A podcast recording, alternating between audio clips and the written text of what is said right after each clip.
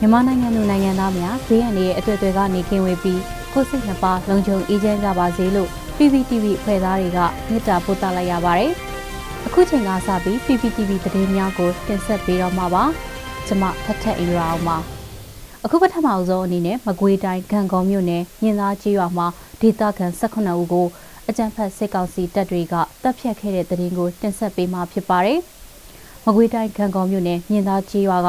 အသက်18နှစ်အောက်လူငယ်အများအပြားနဲ့အသက်80ကျော်တက်ကြီးရွယ်အိုတဦးအပါအဝင်ဒေသခံ18ဦးကိုအကြမ်းဖက်စစ်ကောင်စီတပ်ကတပ်ဖြတ်ခဲ့တယ်လို့မြင်သားရွာကန်တွေကပြောပါရယ်စက်တင်ဘာလ9ရက်မနက်10:00နာရီခန့်ကလက်နက်ကြီးများပစ်ခတ်ဝင်ရောက်လာတဲ့အပေါ်ရရွာလုံခြုံရေးလူငယ်အဖွဲ့ကပြန်လည်ခုခံခဲ့လို့အပြန်အလှန်ပစ်ခတ်မှုနိုင်ဝက်ကျော်ဖြစ်ပွားခဲ့တယ်လို့ဒေသခံတအုပ်ကပြောပြပါရယ်ဒီဘက်ကကလေးတွေကဘာမှအဖွဲ့အစည်းလည်းမဟုတ်ဘူး အရင်ကတည်းကရရွာလုံးချုံရေးအတွက်ဖွဲ့စည်းထားတဲ့ကလေးတွေပါဟိုဘက်ကလက်နက်ကြီးတွေနဲ့ထုတာရောပစ်တာရောဆိုတော့သူတို့ကရရွာအတွက်ခုခံကာကွယ်တဲ့အနေနဲ့သူတို့မှရှိတဲ့တူမီတွေနဲ့ပစ်ကြရင်းနဲ့တစ်ဖက်နဲ့တစ်ဖက်ပစ်ခတ်မှုတွေဖြစ်ပွားတာပါလို့မြင်သားရွာကန်တအုပ်ကပြောပါရယ်ပြစ်ခတ်မှုတွေကြောင့်ရွာသူရွာသားတွေဟာဖုန်ကြီးကျောင်းနဲ့တောရဲကိုထွက်ပြေးတင်းရှောင်ခဲ့ကြရတယ်လို့လည်းဆိုပါတယ်စစ်ကောင်စီတပ်တွေဟာလူငယ်တွေကိုပြစ်ခတ်တပ်ဖြတ်ခဲ့သလိုကြီးရွာတွေကတက်ကြီးရွယ်ကိုတချို့ကပါတပ်ဖြတ်ခဲ့တာကြောင့် စုစုပေါင်း18ဦးသေဆုံးခဲ့ပါတယ်။ရွာတွေကနေအိမ်တွေကိုလည်းမှွင့်နှောက်ပြီးမီးရှို့ခဲ့ကြတာပါ။အဲ့ဒီညမှာစစ်ကောင်စီတပ်တွေဟာမြင်းသားရွာမှာပဲညအိပ်ပြီးတော့စက်တင်ဘာ10ရက်မနက်ပိုင်းမှာရွာကိုထပ်မံမီးရှို့ခဲ့တယ်လို့ဆိုပါတယ်။ဒါအပြင်ရွာသားတွေပိုင်တဲ့ပစ္စည်းနဲ့ငွေတွေကိုယူဆောင်သွားတာတွေလည်းရှိတယ်လို့မြင်းသားရွာသူကပြောပါတယ်။စစ်ကောင်စီတပ်ဖြတ်လို့တေဆုံးခဲ့တဲ့လူငယ်တွေဟာအသက်16နှစ်အောက်အရွယ်၈တန်း9တန်းကျောင်းသားတွေအများစုပါတယ်လို့ဆိုပါတယ်။ သူတို့ရဲ့အလောင်းကို၁၀ရက်နေ့မှတွေ့ရလို့ရွာကပဲမိသကြိုခဲ့ရတယ်လို့မြင်းသားရွာကန်ကပြောပါတယ်။အတော်တယောက်ဆိုရင်သူကလင်မယားနှစ်ယောက်ကျန်ခဲ့တာသူကဒုက္ခိတလမ်းမလျှောက်နိုင်ဘူးသူ့ယောက်ျားကသူ့ကိုစောင့်ရှောက်မဲဆိုပြီးနေရင်နဲ့အဲ့ဒီသူကအသက်ခံလိုက်ရတာဥယျာဉ်အေးအသက်ခံလိုက်ရတာလက်ပြန်ကျိုးတုပ်ပြီးတက်သွားတဲ့အဖိုးဆိုရင်အသက်80ကျော်ပြီမျက်စိမမြင်ဘူးနားမကြဘူးသူ့ကိုတက်ပြီးအိမ်ရောမီးရှို့သွားတာလို့မြင်းသားရွာသားကပြောပါတယ်မြင်းသားရွာမှာဖြစ်ခဲ့တဲ့ဖြစ်စဉ်နဲ့ပတ်သက်ပြီး အမျိုးသားညီညွတ်ရေးအစိုးရလူ့ခွင့်ရေးဆိုင်ရာပြည်ထောင်စုဝန်ကြီးဦးအောင်မျိုးမင်းကို PPTV ကဆက်သွယ်မြင်းမြတ်တဲ့အခါမှာပြည်ထောင်စုဝန်ကြီးကအခုလိုဖြေကြားခဲ့ပါတယ်။ကံကောမြို့နယ်မြင်းသားကြီးရွာမှာဖြစ်ပျက်ခဲ့တဲ့စစ်ကောင်စီရဲ့ရက်စက်ရုပ်မှမှုကတော့တော်တော်ကြီးဆိုးဝါးပါတယ်။ PDF လူငယ်တွေလို့ဆွဆွဲပြီးတော့လှုပ်ဆောင်တာရှိပေမဲ့တကယ်တမ်းဖြစ်တဲ့နေရာမှာတကယ်အပြစ်မဲ့ ရွာသားတွေပါဝင်နေတာကိုကျွန်တော်တက်တည်ထောက်ထားရတွေ့ရတယ်။နောက်တစ်ခါသူတို့ရဲ့တုံ့ပြန်မှုပုံစံဒီပုံစံကလည်းဖြစ်ပျက်နေတဲ့အခြေအနေနဲ့လုံးဝအစမတန်ကြီးမားသော ခြေမှုံမှုပုံစံရရဆက်ဆက်တက်ဖြတ်မှုပုံစံလက်နက်ကြီးတွေနဲ့တတိချာချာကိုထိခိုက်နစ်နာပါစေဆိုတဲ့ရည်ရွယ်ချက်နဲ့လှုပ်ဆောင်နေတဲ့အချက်တွေဖြစ်တယ်။ဒါကြောင့်မလို့ကျွန်တော်တို့အခုလှုပ်ဆောင်မှုကစစ်ပွဲအတွင်းမှာ စန့်ကျင်မှုကို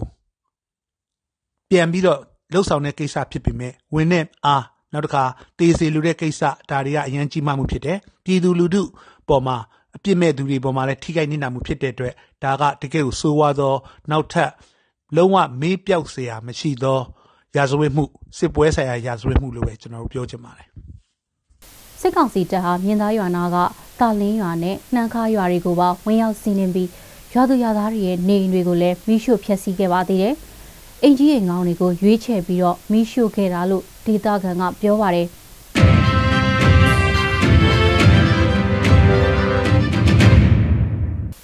ရေစကြိုမြို့နယ်မှာရှိတဲ့ချေးရွာအုပ်ချုပ်ရေးမှုအများအပြားတပြိုင်တည်းနှုတ်ထွက်စာတင်လိုက်ကြတယ်လို့ရေစကြိုဒေသခံတအုပ်ကပြောပါတယ်။အမျိုးသားညီညွတ်ရေးအစိုးရကဆရာနာရှင်စန့်ကျင်ရေးပြည်သူလူထုခုခံစစ်စတင်မယ်လို့ကြေညာပြီးတဲ့နောက်ပိုင်းမှာ အခုလိုနှုတ်ထွက်စာတင်ကြတာလို့လည်းသူကပြောပါတယ်။ရေစကြိုမျိုးနယ်ကပရင်တာမအူအောင်စိတ်ကိုင်းမိုးကွင်းကံဦးကျေးရွာအုပ်စုတွေအပါအဝင်ကျေးရွာအုပ်စု၁၀ခုလောက်ကအုပ်ချုပ်ရေးမှုတွေနှုတ်ထွက်စာတင်ကြသလိုနောက်ထပ်နှုတ်ထွက်မဲ့သူတွေလည်းရှိတယ်လို့ဒေတာကန်ကပြောပါတယ်။အဓိကကတော့ဆက်မလုပ်ရဲလို့နှုတ်ထွက်ကြတာတစ်ဖက်ကိုလည်းကြောက်ရတော့ကျမ်းမာရေးအရာဆိုပြီးအကြောင်းပြတာအုပ်စု၁၀ခုကျော်တပြိုင်တည်းနှုတ်ထွက်တာနောက်ထပ်လည်းထွက်မဲ့သူတွေရှိသေးတယ်လို့သိရတယ်လို့လည်း ရေစကြိုဒေတာကန်ကပြောပါတယ်။အမျိုးသားညီညွတ်ရေးအစိုးရယာယီသမရဒူဝါလက်ရှိလာကစက်တင်ဘာလ9ရက်ကြေညာချက်မှာနိုင်ငံတော်မှာရှိတဲ့အစစ်စင်သောအုပ်ချုပ်ရေးမှုတွေချက်ချင်းနှုတ်ထွက်ကြဖို့ဆိုတဲ့အချက်လဲပါဝင်ပါတယ်။အစောကလေးကဖြစ်တင်တာအာနာရှင်လောက်တာဝန်မထမ်းဆောင်သင့်ဘူးနှုတ်ထွက်ကြတာကြိုးဆိုရမှာပါလို့လဲဒေတာခံကပြောပါရယ်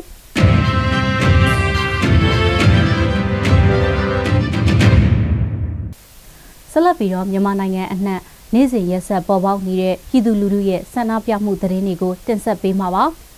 ဒီကနေ့စက်တင်ဘာလ17ရက်နေ့မှာမုံရွာအမြင့်လန်းတပိတ်စစ်ကြောင်းကိုမုံရွာပင်မတပိတ်စစ်ကြောင်းကတွားရောက်ပူးပေါင်းပြီးဆရာနာရှင်စနစ်ချုပ်ရင်းရေးအတွက်တပိတ်မှောက်ခဲ့ကြပါတယ်။အမျိုးသားညီညွတ်ရေးအစိုးရကိုပြက်ပြက်သားသားထောက်ခံကြောင်းဖက်စစ်စစ်တပ်ကိုအမြင့်ဖြတ်ဖို့လူလူတရက်လုံးပုံကန်ထကြွကြဖို့အသင့်ရှိကြောင်းနဲ့ပြည်သူ့ကာကွယ်ရေးတပ် PDF တွေကိုအလေးအနက်ထောက်ခံကြောင်း လူရပေါင်းများစွာကစုဝေးပြီးတော့ချီတက်ဆန္ဒပြခဲ့ကြတာပါ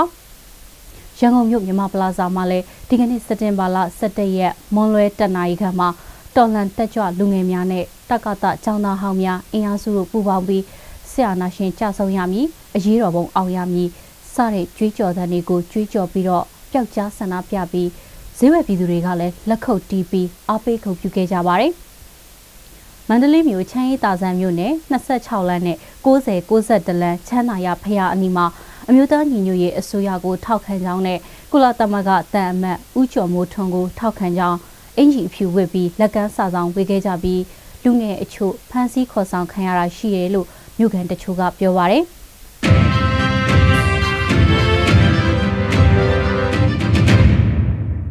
အခုဆက်လက်ပြီးမြန်မာပြည်သူတွေနဲ့အတူအမေရိကန်ဆက်လက်ရပ်တည်မယ်လို့နိုင်ငံသားရေးဝန်ကြီးဌာနပြောရေးဆိုခွင့်ရှိသူနီပရိုက်စ်ကပြောဆိုခဲ့တဲ့သတင်းကိုတင်ဆက်ပေးမှာဖြစ်ပါတယ်။အမေရိကန်ပြည်ထောင်စုဟာမြန်မာပြည်သူတွေနဲ့အတူဆက်လက်ရပ်တည်မယ်လို့နိုင်ငံသားရေးဝန်ကြီးဌာနပြောရေးဆိုခွင့်ရှိသူနီပရိုက်စ်က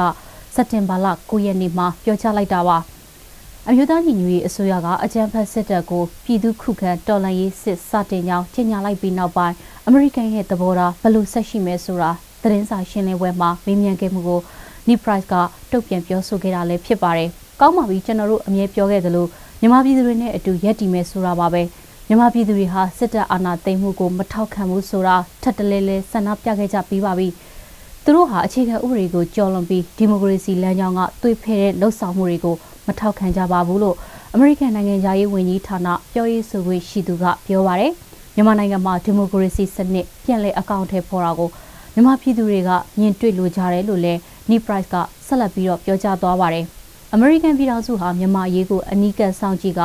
အာဆီယံဒေသရဲနိုင်ငံတွေနိုင်ငံတကာမိဖက်တွေနဲ့ပူးပေါင်းပြီးတန်တမာရေးအရာဖြည့်ရှင်းလှုပ်ဆောင်နေတယ်လို့ဆိုပါတယ်။ဒါ့အပြင်အာဏာသိမ်းမှုနဲ့ပတ်သက်လို့တာဝန်ရှိသူတွေမြန်မာပြည်သူအပေါ်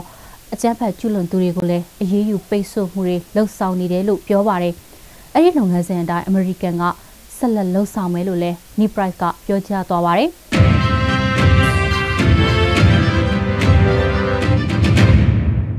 အခုနောက်ဆုံးအနေနဲ့တင်ဆက်ပေးမှာကတော့ကမ္ဘာလုံးဆိုင်ရာမြန်မာຫນွေဦးတော်လှန်ရေး GMSR အဖွဲ့ကအွန်လိုင်းဒပိတ်ဆင်နွှဲဖို့ဖိတ်ခေါ်ထားတဲ့သတင်းပဲဖြစ်ပါတယ်။ကမ္ဘာလုံးဆိုင်ရာမြန်မာຫນွေဦးတော်လှန်ရေး Global Myanmar Spring Revolution GMSR ကအမျိုးသားညီညွတ်ရေးအစိုးရရဲ့တန်တမန်ရေးရာတိုက်ပွဲမှာလူကိုယ်တိုင်ဆန္ဒမပြနိုင်သူတွေအတွက်အွန်လိုင်းတပိတ်ကျင်းပပြုလုပ်မှာဖြစ်လို့ပါဝင်ဆင်နွှဲကြဖို့ဖိတ်ခေါ်လိုက်ပါတယ်။အွ န်လိုင်းတပိတ်ကိုစက်တင်ဘာလ12ရက်နေ့မြန်မာစံတော်ချိန်နေ့လယ်12နာရီခွဲမှာစတင်ပြုလုပ်သွားမှာဖြစ်ပြီးနိုင်ငံအသီးသီးကလူကိုယ်တိုင်ဆန္ဒမပြနိုင်သူတွေပါဝင်ဆင်နွှဲနိုင်ဖို့ရည်ရွယ်ထားတယ်လို့ဆိုပါတယ်။ online တပိတ်ကို Zone application နဲ့ကျင်းပပြုလုပ်သွားမှာဖြစ်ပြီးအင်ဂျီအဖြူလက်ပတ်အနီရောင်ဝတ်ဆင်ကြဖို့နဲ့တန်မုံတွေပါပြင်ဆင်ထားကြဖို့နှိုးဆော်ထားပါတယ်။ online တပိတ်မှာကြပြားတွေရွတ်တာကြွေးကြော်တန်းတွေကြွေးကြော်တာတန်မုံတီးတာစတဲ့အစီအစဉ်တွေပါဝင်မှာဖြစ်ပြီး နိုင်ငံအသီးသီးကမောင်နှမတွေအားလုံးပါဝင်ဖို့ဖိတ်ခေါ်ထားတာကိုတွေ့ရပါတယ်။ရေတော်ဘုံအောင်ရမည်ရေတော်ဘုံအောင်ရမည်